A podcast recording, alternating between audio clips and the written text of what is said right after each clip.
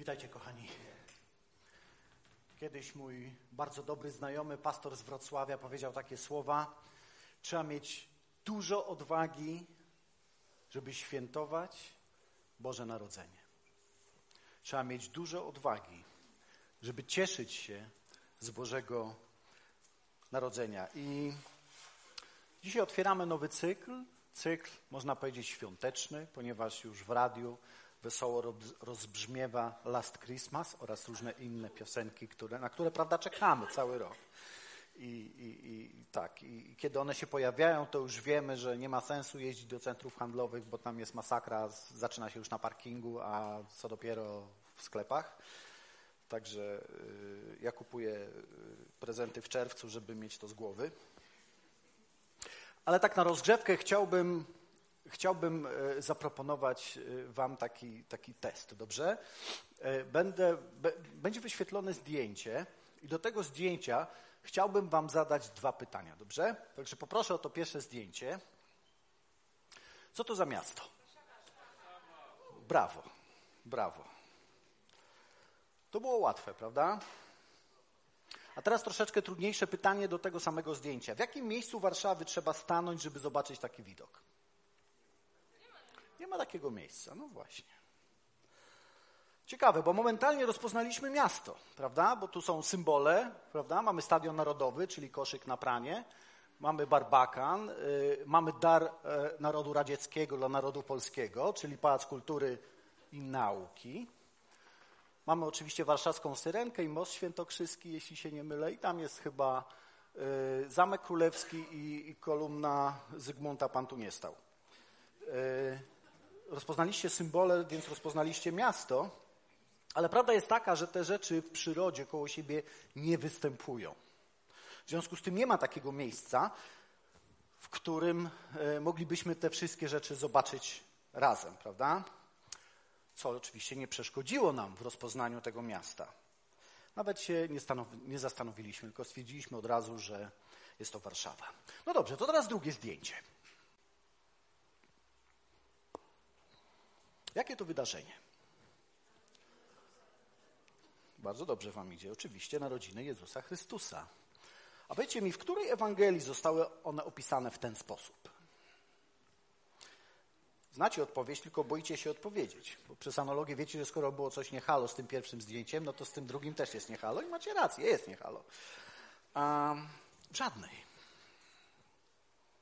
Żadna z Ewangelii nie opisuje wydarzeń związanych z narodzeniem Jezusa tak, jak my najczęściej ukazujemy to wydarzenie, prawda? Bo my w naszej świadomości mamy gdzieś tam tą historię przed oczami, prawda? Mamy pewną sekwencję zdarzeń, która jest dzisiaj bardziej opowieścią bożonarodzeniową albo opowieścią wigilijną, która nie do końca bierze się wprost z Ewangelii. Jest swoistym połączeniem tego, co czytamy w Ewangelii Mateusza, w Ewangelii Łukasza, bo ci dwa ewangeliści opisują Boże Narodzenie najpełniej, opisują wydarzenia związane z tym, z tym, z tym faktem e, oraz tradycji chrześcijańskiej. A więc tego wszystkiego, co przez lata narosło wokół tego wydarzenia, wokół interpretacji dotyczącej tej historii i wokół tego, co słyszymy w naszych kościołach. W ten sposób stworzyliśmy opowieść, która ukazuje, jak te rzeczy się miały. Ale kiedy otwieramy Biblię, kiedy otwieramy Ewangelię, to ten obraz wygląda zupełnie inaczej. Nie ma w tym nic złego. Nie ma nic złego w opowieści o narodzeniu Jezusa, bo dzięki temu daje nam się zobaczyć niektóre aspekty wyraźniej. Łącząc ze sobą narrację ewangelistów z tradycją, możemy odtworzyć mniej więcej po kolei, co wtedy się działo. Ale kiedy otwieramy Boże Słowo, to okazuje się, że ewangeliści postrzegali te wydarzenia zupełnie inaczej. A każdy z nich wybierał tylko niektóre z nich. Mateusz wybrał część wydarzeń, Łukasz wybrał część wydarzeń. Jan zaprezentował nam interpretację teologiczną. Postawił nas przed pewnego rodzaju koncepcją kosmologiczną tego, co się wydarzyło jakie miało konsekwencje. A Marek, a Marek tu zupełnie jeszcze inaczej do tego podchodzi. Dlatego w tym cyklu rozważań chcemy spojrzeć na kwestię narodzenia Jezusa tak, jak przedstawiają je czterej ewangeliści. Każdy z nich po kolei do tej kwestii się odnosi. I dzięki temu zobaczymy, co każdy z nich chciał osiągnąć. Bo oni, wybierając określone wydarzenia, chcieli zwrócić naszą uwagę na pewne aspekty narodzin Jezusa. Dopiero kiedy patrzymy na to wszystko razem i kiedy opowiadamy sobie tę wigilijną historię, to ta unikalność opowieści każdego ewangelisty może po prostu nam umknąć. A zatem w naszym cyklu kazań będziemy starali się do tej unikalności wrócić i odwołać. Zobaczyć, dlaczego każdy z nich zdecydował się opowiedzieć tę historię inaczej, w taki, a nie inny sposób. Będziemy mówili, że każdy z nich prezentuje osobę Jezusa Chrystusa i Jego narodziny inaczej. Ewangelia Mateusza, bo od niej dzisiaj zaczniemy, prezentuje nam narodziny króla, króla Żydów. Łukasz opowiada o narodzinach Zbawiciela. Jan przedstawia nam Stwórcę Wszechświata, Słowo, które stało się ciałem. A Marek, choć to zupełnie inna historia, on konfrontuje nas z Panem. I ponieważ każda z tych Ewangelii, kiedy popatrzymy na nie w ten sposób, zawiera pewien element konfrontacji, to właśnie to powoduje, że przestają być już tylko sezonowymi opowieściami, które powodują, że z jakichś przyczyn robi nam się na sercu ciepło. W ten jeden szczególny dzień w roku. Kiedy na nie patrzymy, to one naprawdę wszystko zmieniają. Stawiają nas przed ważnymi decyzjami. Stawiają nas przed wyborami, których musimy dokonać. Konfrontują nas z tym, co myślimy, czym sobie wyobrażamy, z nami samymi, z naszymi przekonaniami, z naszymi myślami, a także z naszymi wyborami, decyzjami i otaczającą rzeczywistością. Powodują, że musimy się do tych wydarzeń jakoś ustosunkować, jakoś odnieść. Dlatego trzeba mieć naprawdę dużo odwagi, żeby cieszyć się z Bożego Narodzenia. A przed nami Ewangelia Mateusza, która przedstawia Jezusa jako króla. A to jest temat przewodni całej tej Ewangelii. Kiedy czytamy Ewangelię Mateusza, znajdziemy tam najwięcej wersetów mówiących o Bożym Królestwie, mówiących o tym, że Jezus jest królem. I przede wszystkim widzimy Jezusa jako króla Żydów. Ale im dalej przesuwamy się w czytaniu Ewangelii, to przy powieściach widzimy, że On przyszedł jako król królów i pan panów nie tylko do Żydów, ale do wszystkich ludzi. I że potem powróci jeszcze raz aby sądzić świat. Ewangelista Mateusz w całej swojej Ewangelii mówi o Jezusie jako o królu. I ten wątek jest pokreślany już na samym początku Ewangelii. I takim mottem Ewangelii jest: Narodził się Jezus, narodził się król żydowski i król królów, więc wszystko w Twoim życiu się zmieni. Narodził się Jezus, król żydowski, król królów i wszystko w Twoim życiu się zmieni. I to jest to, z czym konfrontuje nas Mateusz. Ale jeśli sięgniemy do tej Ewangelii po to, żeby zobaczyć konkretny fragment opisujący sam moment narodzenia Jezusa, to będziecie rozczarowani. Bo Mateusz naprawdę niewiele o tym pisze. Niewiele pisze o tym fakcie narodzenia. Mateusz skupia się bardziej na reakcjach ludzi, którzy byli świadkami tego wydarzenia, żyjących w tamtych czasach. A samo wydarzenie załatwia w zasadzie dwoma wersetami, wciśniętymi gdzieś pomiędzy rozdziałami, wciskając je pomiędzy wątki, pomiędzy e, historię Józefa i Marii, a historię e, mędrców, którzy przybyli, ze wschodu. I to wygląda mniej więcej tak. Nie współżył z nią jednak aż do narodzin syna, mowa to o Józefie i o Marii, któremu dał na imię Jezus gdy Jezus urodził się w Betlejem w Judei zarządów Heroda. I to wszystko, co Mateusz pisze na temat urodzin Jezusa. Przeczytajcie Ewangelię, zobaczycie. To wszystko, co jest napisane bezpośrednio na temat Jego urodzin. Można odnieść wrażenie, że to jest tak, jakby to wydarzenie było gdzieś obok. Nie było do końca tak ważne, tak istotne. Tak samo postać Marii, postać Józefa praktycznie są statystami w tej całej historii i oni też nie mówią nam nic. Maria, o niej czytamy raptem dwa razy. Nie odzywa się ani słowem. Więcej czytamy o Józefie, ale on też się nie odzywa. Po prostu robi to, co do niego należy.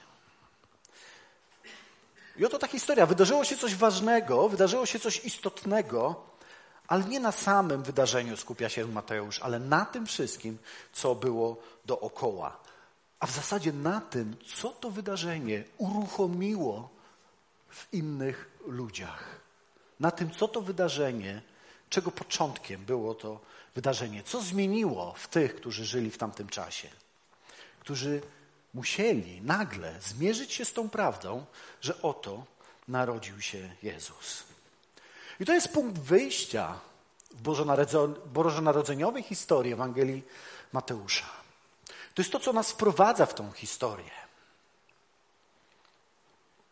która toczy się już zupełnie inaczej. I takim katalizatorem tego, co co, co, co, co można e, e, powiedzieć, a więc tym początkiem, który, od którego w zasadzie toczą, toczy się Mateuszowa opowieść o, o narodzeniu Jezusa, są trzej królowie ze wschodu. Choć Mateusz nie mówi wprost, że byli to królowie i na pewno nie mówi, że było ich trzech. Mówi tylko, że do Jerozolimy przybyli mędrcy ze wschodu. Dowiadywali się oni, gdzie jest ten nowonarodzony król Żydów bo zobaczyliśmy wschód jego gwiazdy i przybyliśmy oddać mu hołd. O mędrcach ze wschodu, i to słowo mędrzec tutaj użyte, w zasadzie ono jest różnie tłumaczone, ale, ale na pewno nie jest tłumaczone jako król. Przeczytamy o nich tylko w Ewangelii Mateusza. Żaden inny ewangelista nie mówi nam o mędrcach ze wschodu. Nikt inny o nich nie wspomina. I ta wzmianka w dodatku wcale też nie jest jakaś obszerna. Nie wiemy skąd przybyli, oprócz tego, że ze wschodu, bo tam zawsze była cywilizacja. Zakładamy, że prawdopodobnie z Persji, prawdopodobnie z terenów dzisiejszego Iraku, Iranu. Niewiele o nich wiemy.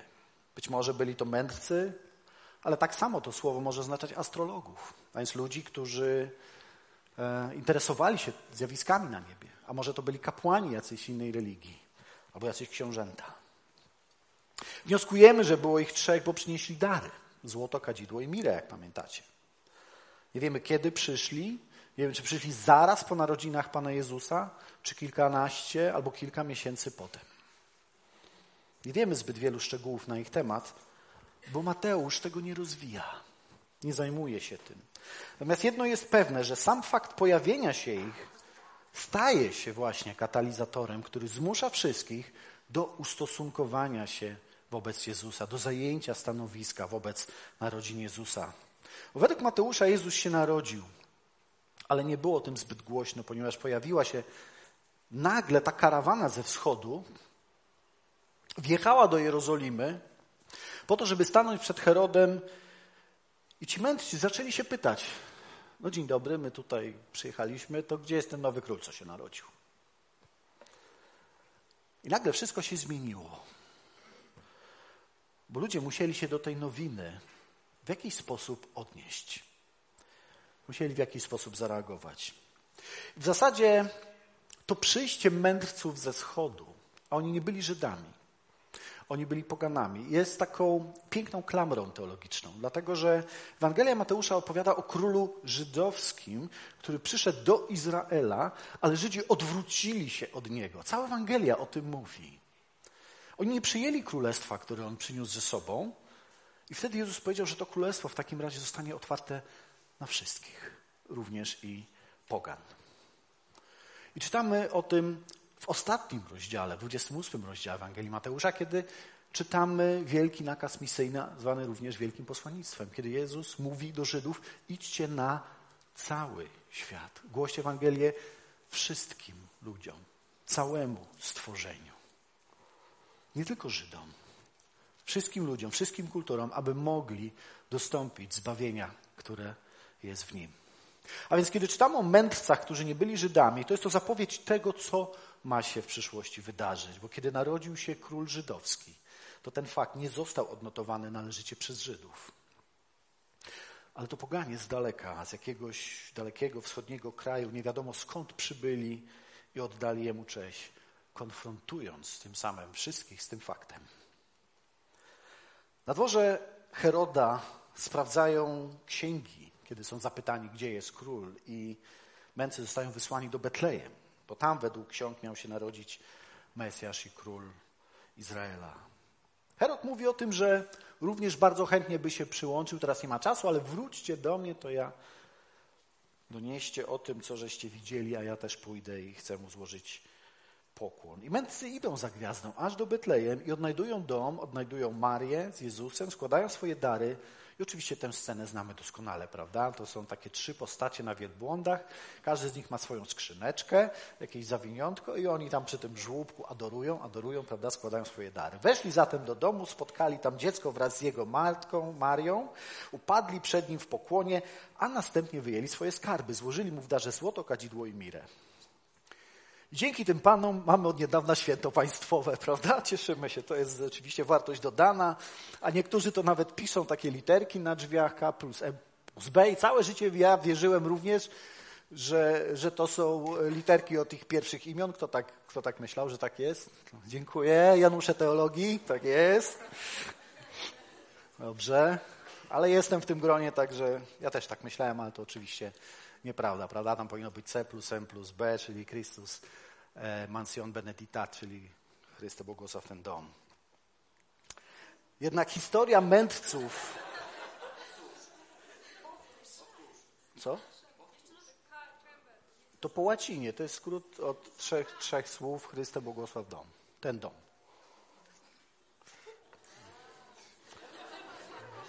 Całe życie w błędzie. Dobrze. Dobrze. Ale wiecie co, ta historia mędrców to jest taka zasłona dymna. Bo ona odwraca naszą uwagę od tego, co tak naprawdę tam się wydarzyło. Koncentrujemy się na tym, kto przyszedł, ale ważniejsze jest pytanie, kogo tam zabrakło, czyli kto nie przyszedł. Dlaczego to poganie składają mu hołd, a nie ma tam nikogo? Ani Heroda, ani arcykapłanów, ani uczonych w piśmie, ani nikogo z żydowskich notabli, którzy przecież powinni przywitać swojego króla. Króla, na którego czekali. Wiecie, to trochę tak, jakby będziemy mieli wybory prezydenckie niedługo i wyobraźcie sobie, że, że, że, że jest taka sytuacja, jest zaprzysiężenie nowego prezydenta w Sejmie i w trakcie zaprzysiężenia nowego prezydenta nikt by się nie pojawił. Ani premier, ani ministrowie, to w naszych czasach jest w sumie możliwe, prawda? Dlatego, że jak ktoś focha strzeli, to nie przyjdzie. Ani premier, ani ministrowie, ani marszałkowie Sejmu i Senatu, ani posłowie opozycji, żadnej telewizji, ani radia, nikogo, poza wiceministrem sportu Gabonu, ministrem turystyki Burkina Faso i ambasadorem San Escobar. Niby jakiś związek jest, ale skąd oni tam się wzięli, to tak naprawdę nie wiemy, nie mamy pojęcia. Gdyby ktoś robił reportaż z tego wydarzenia, to oczywiście nie pytałby się, kim są ci tacy trzej egzotyczni panowie, którzy przyszli na salę, tylko dlaczego nie ma tych, którzy powinni być. I to jest obraz Ewangelii Mateusza. I to pytanie wybrzmiewa między wierszami. Poganie przyszli do Jezusa, a gdzie się podzieli inni? Gdzie się podzieli ci, którzy powinni tam być? I to jest ta konfrontacja. To jest to pytanie, które Mateusz zadaje również nam. Gdzie ty byłbyś w tej godzinie? Gdzie ty byłbyś w tej godzinie? Skoro mędrcy ze wschodu przybyli złożyć hołd Jezusowi, to dlaczego nas tam nie było?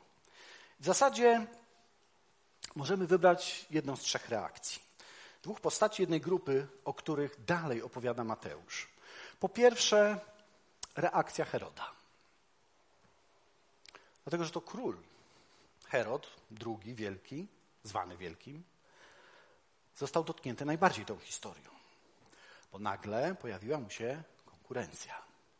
A w tamtych czasach konkurencja do tronu to nie była tylko walka na słowa. Wieście, Herod miał już swoje na sumieniu, bo on między innymi doprowadził do obalenia jego ojca.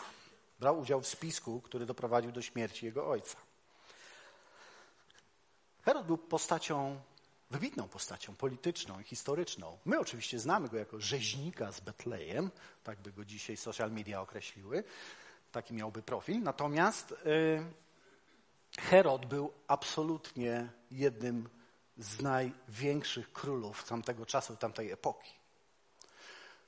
Był bardzo sprawnym politykiem. Jego ojciec przyjaźnił się z Juliuszem Cezarem, a on sam przyjaźnił się z Markiem Antoniuszem i z Pompejuszem. Kiedy wybuchł konflikt i wojna domowa w Rzymie, nierozsądnie opowiedział się po stronie Marka Pompejusza, który, jak wiecie, miał romans z Kleopatrą i później, i później przegrał, e, przegrał walkę o tron z Pompejuszem. Wówczas Herod bardzo sprytnie postąpił. Poszedł do Pompejusza, pokajał się i Pompejusz w nagrodzie za jego wierność oddał mu ziemię, które zagrabiła Kleopatra, uczynił go namiestnikiem Idumei, Galilei i paru jeszcze innych ziem i uczynił go królem.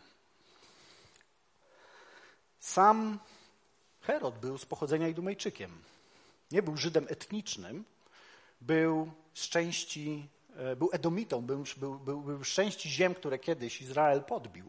Więc e, nie był Żydem, ale bardzo zależało mu na tym, żeby mieć poważanie wśród Żydów. W związku z tym otoczył się ludźmi, otoczył się takimi poplecznikami, których oczywiście opłacał za swoją wierność i za, swoje, i za ich zasługi, za ich lojalność. Był bardzo sprawnym królem, był wielkim budowniczym.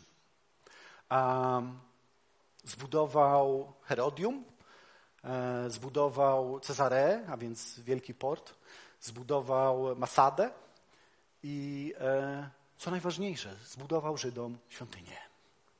Ta świątynia, o której czytamy w Ewangeliach, o której Pan Jezus mówił, zbóżcie ją, a ja ją odbuduję w trzy dni, to jest ta świątynia, którą zbudował Żydom Herod Wielki. Sam pojął za córkę jednego z arcyka, córkę, sam pojął za żonę jedną z córek, z córek e, arcykapłana. Zrobił wszystko, żeby wkupić się, żeby wkupić się w łaski Żydów. Co nie przeszkadzało mu oczywiście zabić trzech synów, którzy uknuli sputek, spisek przeciwko niemu, żeby odebrać mu tron i również stracić jedną ze swoich żon. A więc rządził przez strach i hojność. Wiele dokonał, ale też chorobliwie pragnął zatrzymać to tylko dla siebie. Zadziwiająca jest ta zgodność postaci Heroda historycznego i tego Heroda, którego prezentuje nam Mateusz. Pamiętamy, jak zareagował, kiedy mędrcy ostrzeżeni we śnie do niego nie powrócili. Kiedy zdał sobie sprawę, że go wystawili, rozgniewał się i polecił zgładzić wszystkich chłopców Betlejem w okolicach poniżej drugiego roku życia. Herod zorientował się, że mędrcy go zmylili, strasznie się rozgniewał, następnie wydał rozkaz wymordowania w Betlejem wszystkich chłopców poniżej drugiego roku życia. Ten wiek ustalił na podstawie rozmowy, którą wcześniej odbył z mędrcami. I skoro dyplomacja jego zawiodła, to sięgnął po skuteczniejsze rozwiązanie, rozwiązanie, które już znał, które stosował. Jego reakcją była walka. Kimkolwiek miał być ten nowy król, Herod był gotowy z nim walczyć. Herod był gotowy stawić mu czoła. Chcesz być królem? No to ja ci teraz pokażę, co to znaczy być królem i z czym to się wiąże. A więc reakcją Heroda na narodziny była walka. Odwrócenie się od niego i próba zabicia go. Też czytamy o tym, że Bóg cały czas chronił Jezusa, strzegł go i powiedział Józefowi o zamiarach Heroda i ci uciekli do Egiptu. A więc Herod odpowiedział walką, jego reakcją była walka. Druga grupa to mieszkańcy Jerozolimy. Czytamy niesamowity werset opisujący ich reakcję na przybycie mędrców. Gdy król Herod o tym usłyszał, przeraził się, a z nim cała Jerozolima. Gdybyśmy zapytali dziś ludzi, Oto jaka emocja towarzyszy nam przy Bożym Narodzeniu. No to oczywiście każdy odpowie, że radość, prawda? Raduj się świecie, przyszedł Pan, daje, wszyscy się bardzo, bardzo cieszymy, bo tak prezentujemy te święta. Jako wesołe, jako radosne, jako rodzinny czas i również komercyjnie w taki sposób są prezentowane. Ale kiedy czytamy Ewangelię Mateusza i Łukasza, to wiodącą emocją, która towarzyszy narodzeniu się Pana Jezusa, jest strach, a nie radość. I pytanie, co teraz będzie? Co będzie dalej? Dla mieszkańców Jerozolimy wieść o tym, że narodził się nowy król żydowski w sytuacji, pamiętamy, gdzie oni już mieli króla, mieli króla Heroda. On był jaki był, ale przynajmniej wiedzieli, czego można się po nim spodziewać. Przewracała ich dotychczasowe życie do góry nogami. Herod owszem myślał, że być może ktoś zechce go usunąć z tronu, ale ci, którzy byli wokół niego, choć nie sprawowali takiej władzy jak on, poznali i potrafili z nim żyć, nauczyli się z nim żyć. Prawdopodobnie jest też, prawdopodobne jest też to, że z tego całkiem nieźle korzystali, bo Herod rządził poprzez strach i poprzez nagradzania, więc pewnie przy Herodzie można było się całkiem nieźle ustawić. A on płacił za lojalność i wierność swoich popleczników. Bardzo aktualne, prawda? Jerozolima była miejscem, gdzie mieszkały elity intelektualne i polityczne, arcykapłani i najzamożniejsi Żydzi. A więc oni widzieli tych wszystkich rzymskich namiestników, takich jak Piłat, z którymi widywał się Herod, z którymi jadł. Widzieli rzymskich notabli, widzieli cesarzy, którzy też przybywali do, do Jerozolimy. Jak ktoś mieszkał w Jerozolimie, to był gość. Dlatego, że poza Jerozolimą nie było nic. I nagle ci wszyscy ludzie, od jakichś karawaniarzy, którzy przybyli nie wiadomo skąd, dowiadują się, że narodził się nowy król żydowski i stają przed pytaniem, co zrobić, któremu królowi służyć, któremu królowi oddać wierność. Bo król może być tylko jeden. I pewnie rozważali, jak to będzie, który z nich wygra rywalizację, jeśli do niej dojdzie, jaki będzie ten nowy król, z kim będzie łatwiej się dogadać, albo z kim będzie łatwiej się ustawić, tak żeby mi było dobrze, a może lepiej po prostu stać z boku i obserwować bieg wydarzeń, obserwować to, co się będzie działo. Może lepiej poczekać na rozwój wypadków i nie angażować się zbyt dużo, bo zbyt dużo można stracić. Mieszkańcy Jerozolimy zareagowali strachem i wyczekaniem i w zasadzie nie zajęli żadnego konkretnego stanowiska od razu. I przez długi czas mogło się wydawać, że im się upiekło. Przez długi czas żyli w takim zawieszeniu. Herod, jak wiemy, jak, jak też czytamy z historii Józefa Flawiusza, umarł krótko po, po narodzeniu Jezusa. W zasadzie ten temat króla żydowskiego ucichł. Ale minęło 30 lat i później prorok Jeszua, bo tak mówiono na Jezusa w jego czasach, wjechał do Jerozolimy na oślęciu. Co było jawnym nawiązaniem do proroctwa ze Starego Testamentu, że oto Mesjasz i król Izraela wiedzie do Jerozolimy na oślęciu. I wtedy już się musieli opowiedzieć. Wtedy już nie mogli powiedzieć, poczekamy, zobaczymy, co się będzie działo. To, co odsuwali przez 30, ostatnie 30 lat od siebie, nagle stanęło bardzo wyraźnie przed ich oczami. Jak pamiętamy, najpierw zareagowali bardzo entuzjastycznie, ale potem wybierali pomiędzy królem a zbrodniarzem, pomiędzy Jezusem i Barabaszem. Wybrali tego drugiego, przekonani, że robią dobrze, przekonani, że robią coś dobrego, bo przecież głosują za ułaskawieniem i za życiem. I dokonali swojego wyboru. I wielu z nich Jezusa odrzuciło. Trzecią postacią, którą prezentuje Mateusz, jest Józef. Pomyślcie sobie, jak trudny wybór ten człowiek miał. Bo my mamy obraz Józefa z kolendy, prawda? Jaki to jest obraz? Józef stary, Józef stary, ono pielęgnuje. Taki dziadek z brodą gdzieś tam stoi z boku, w ogóle się nie angażuje. Jak trzeba, to tu Maria na tego osła wsadzi i tam sobie pojadą na wycieczkę do Egiptu. Siła spokoju. Ale patrząc na fakty, Józef jest typowym mężczyzną. No zbyt rozmowny to on nie jest, przyznacie. Ale jak trzeba coś zrobić, to już to robi. Jest przynajmniej konsekwentny. I kiedy go spotykamy pierwszy raz, to widzimy, jak Józef zaręczył się z Marią. I wiecie, to nie było takie proste w tamtych czasach. Tam ktoś pojechał na jakąś górę, dał pierścionek albo wymyślił jakieś piękne okoliczności przyrody i, i, i się oświadczył. I, I ona powiedziała tak i już wszystko było super. Nie, nie, nie, nie, nie. To było całe przedsięwzięcie które zaangażowane były rody, rodziny, rodzice, znajomi, swatki, swaci, ciotki, wujkowie, całe miasta. To była wielka sprawa. I kiedy poznajemy Józefa, to on na szczęście ma już to za sobą. Już jest zaręczony z Marią. I, czeka, i czekają w zasadzie obydwoje na swój ślub.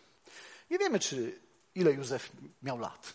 Możemy się domyślać. Bo tradycja nam mówi więcej niż, niż, niż, niż pismo. Nie wiem, czy był młody, czy stary, jak zwykliśmy na niego patrzeć. Ale oto Józef nagle staje przed czymś, co staje się dla niego bardzo ważne. Staje z oczekiwaniami. Co do swojego życia, to jest zaręczony z piękną młodą dziewczyną. Myśli sobie, jakie będę miał fajne małżeństwo, będziemy mieszkać sobie w małym domku w Nazarecie, będzie super. A więc ma ten obowiązek zaręczynowy ze sobą i czeka na małżeństwo. I nagle wszystko się zmienia. Nie miał wtedy pojęcia, jak bardzo jego świat się zmieni, bo dowiaduje się, że narzeczona jest w ciąży. Nie wiemy, czy Maria sama jemu powiedziała, czy jacyś życzliwi ludzie mu o tym donieśli, ale jakie tłumaczenie by tu nie padło i, i, i tak sobie myślę o tej historii, że kiedy Maria przyszła tam z tym brzuszkiem do niego, to Józef, daj spokój, Maria, nie, nie rozmawiajmy o tym, ja cię odprawię po cichu, zachowam się jak trzeba, ale już, już nie tłumacz się, nie pogrążaj się dziewczyno, jest jak jest i tak to zostawmy.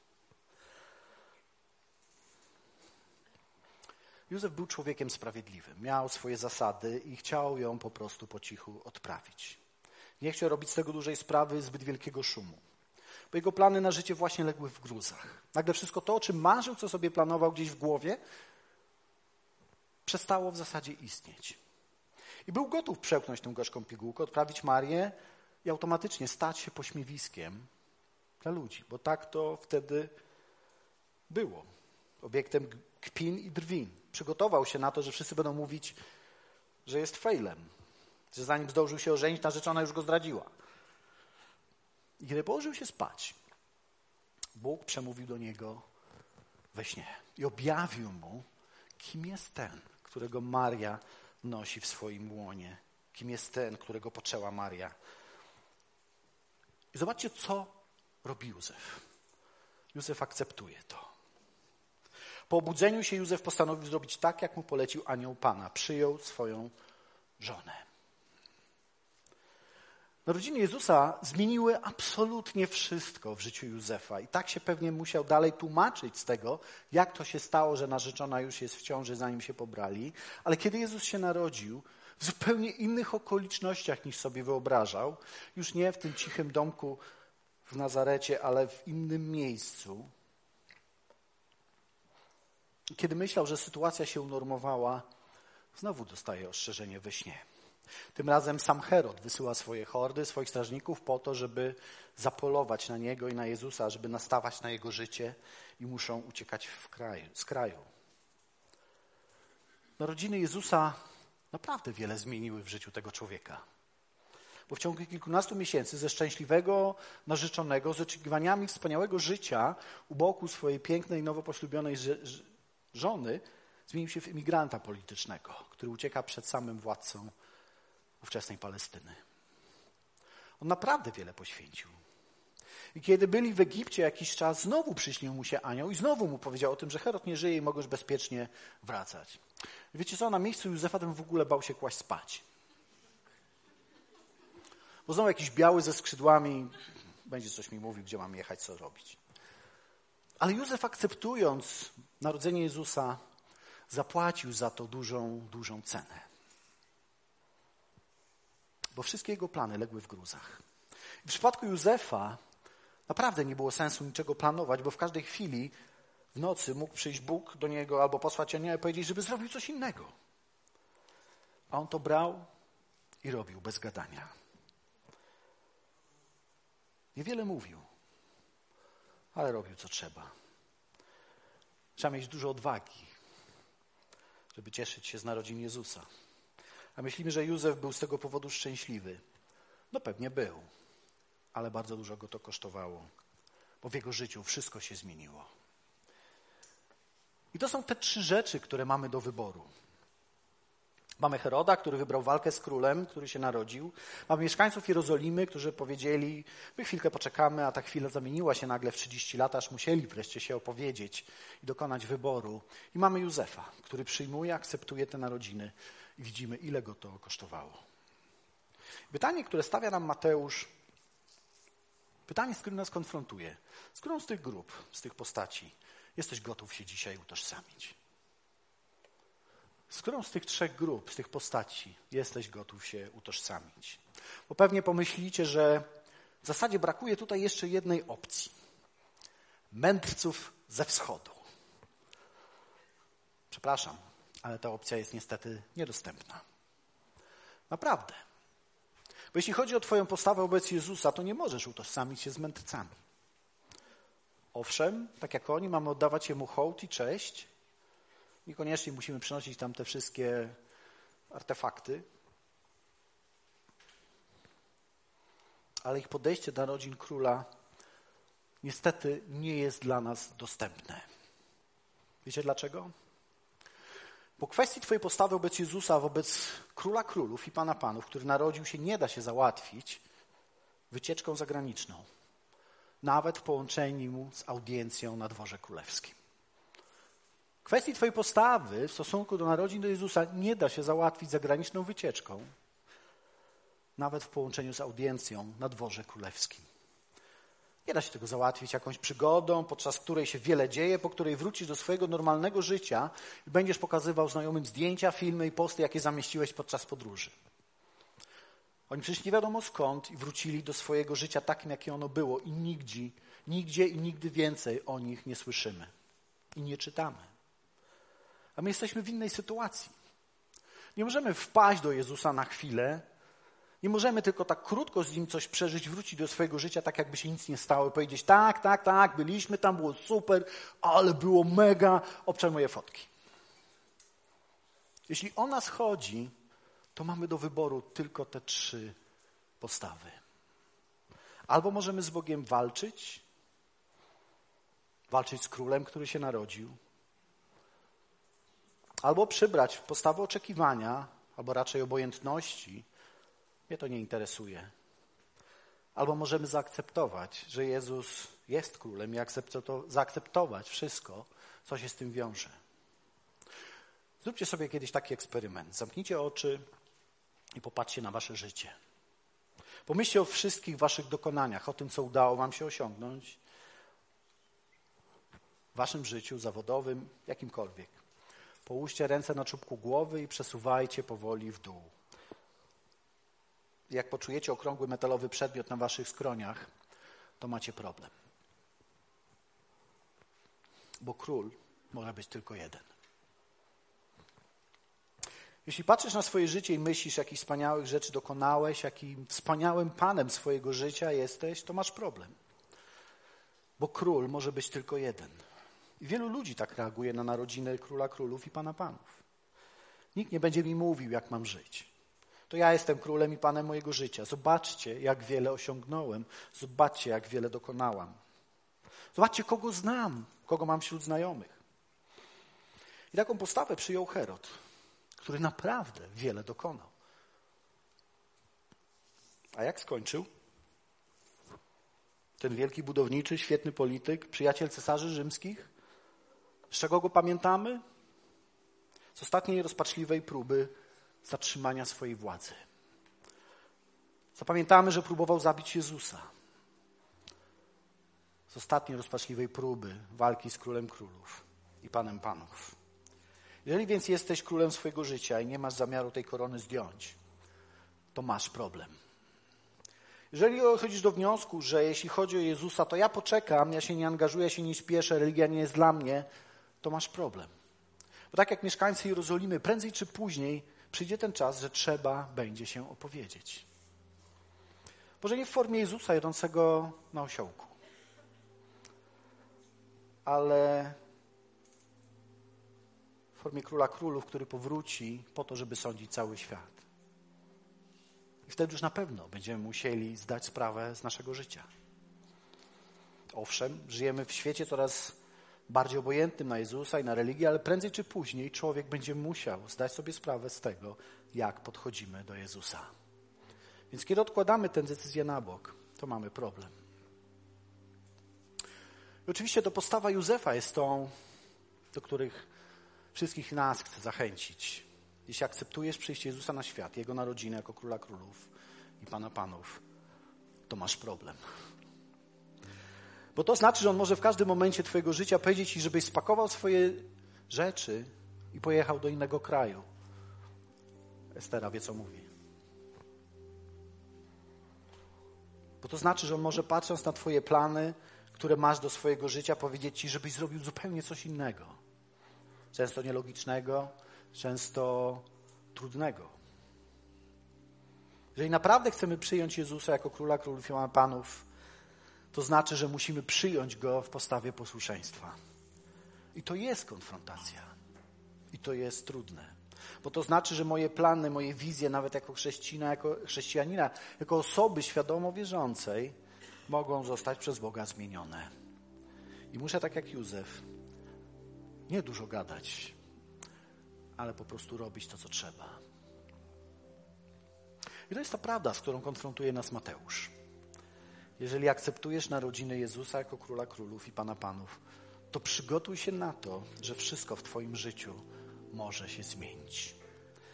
A może nawet wywrócić się do góry nogami. Dlatego trzeba mieć dużo odwagi, żeby cieszyć się z Bożego Narodzenia.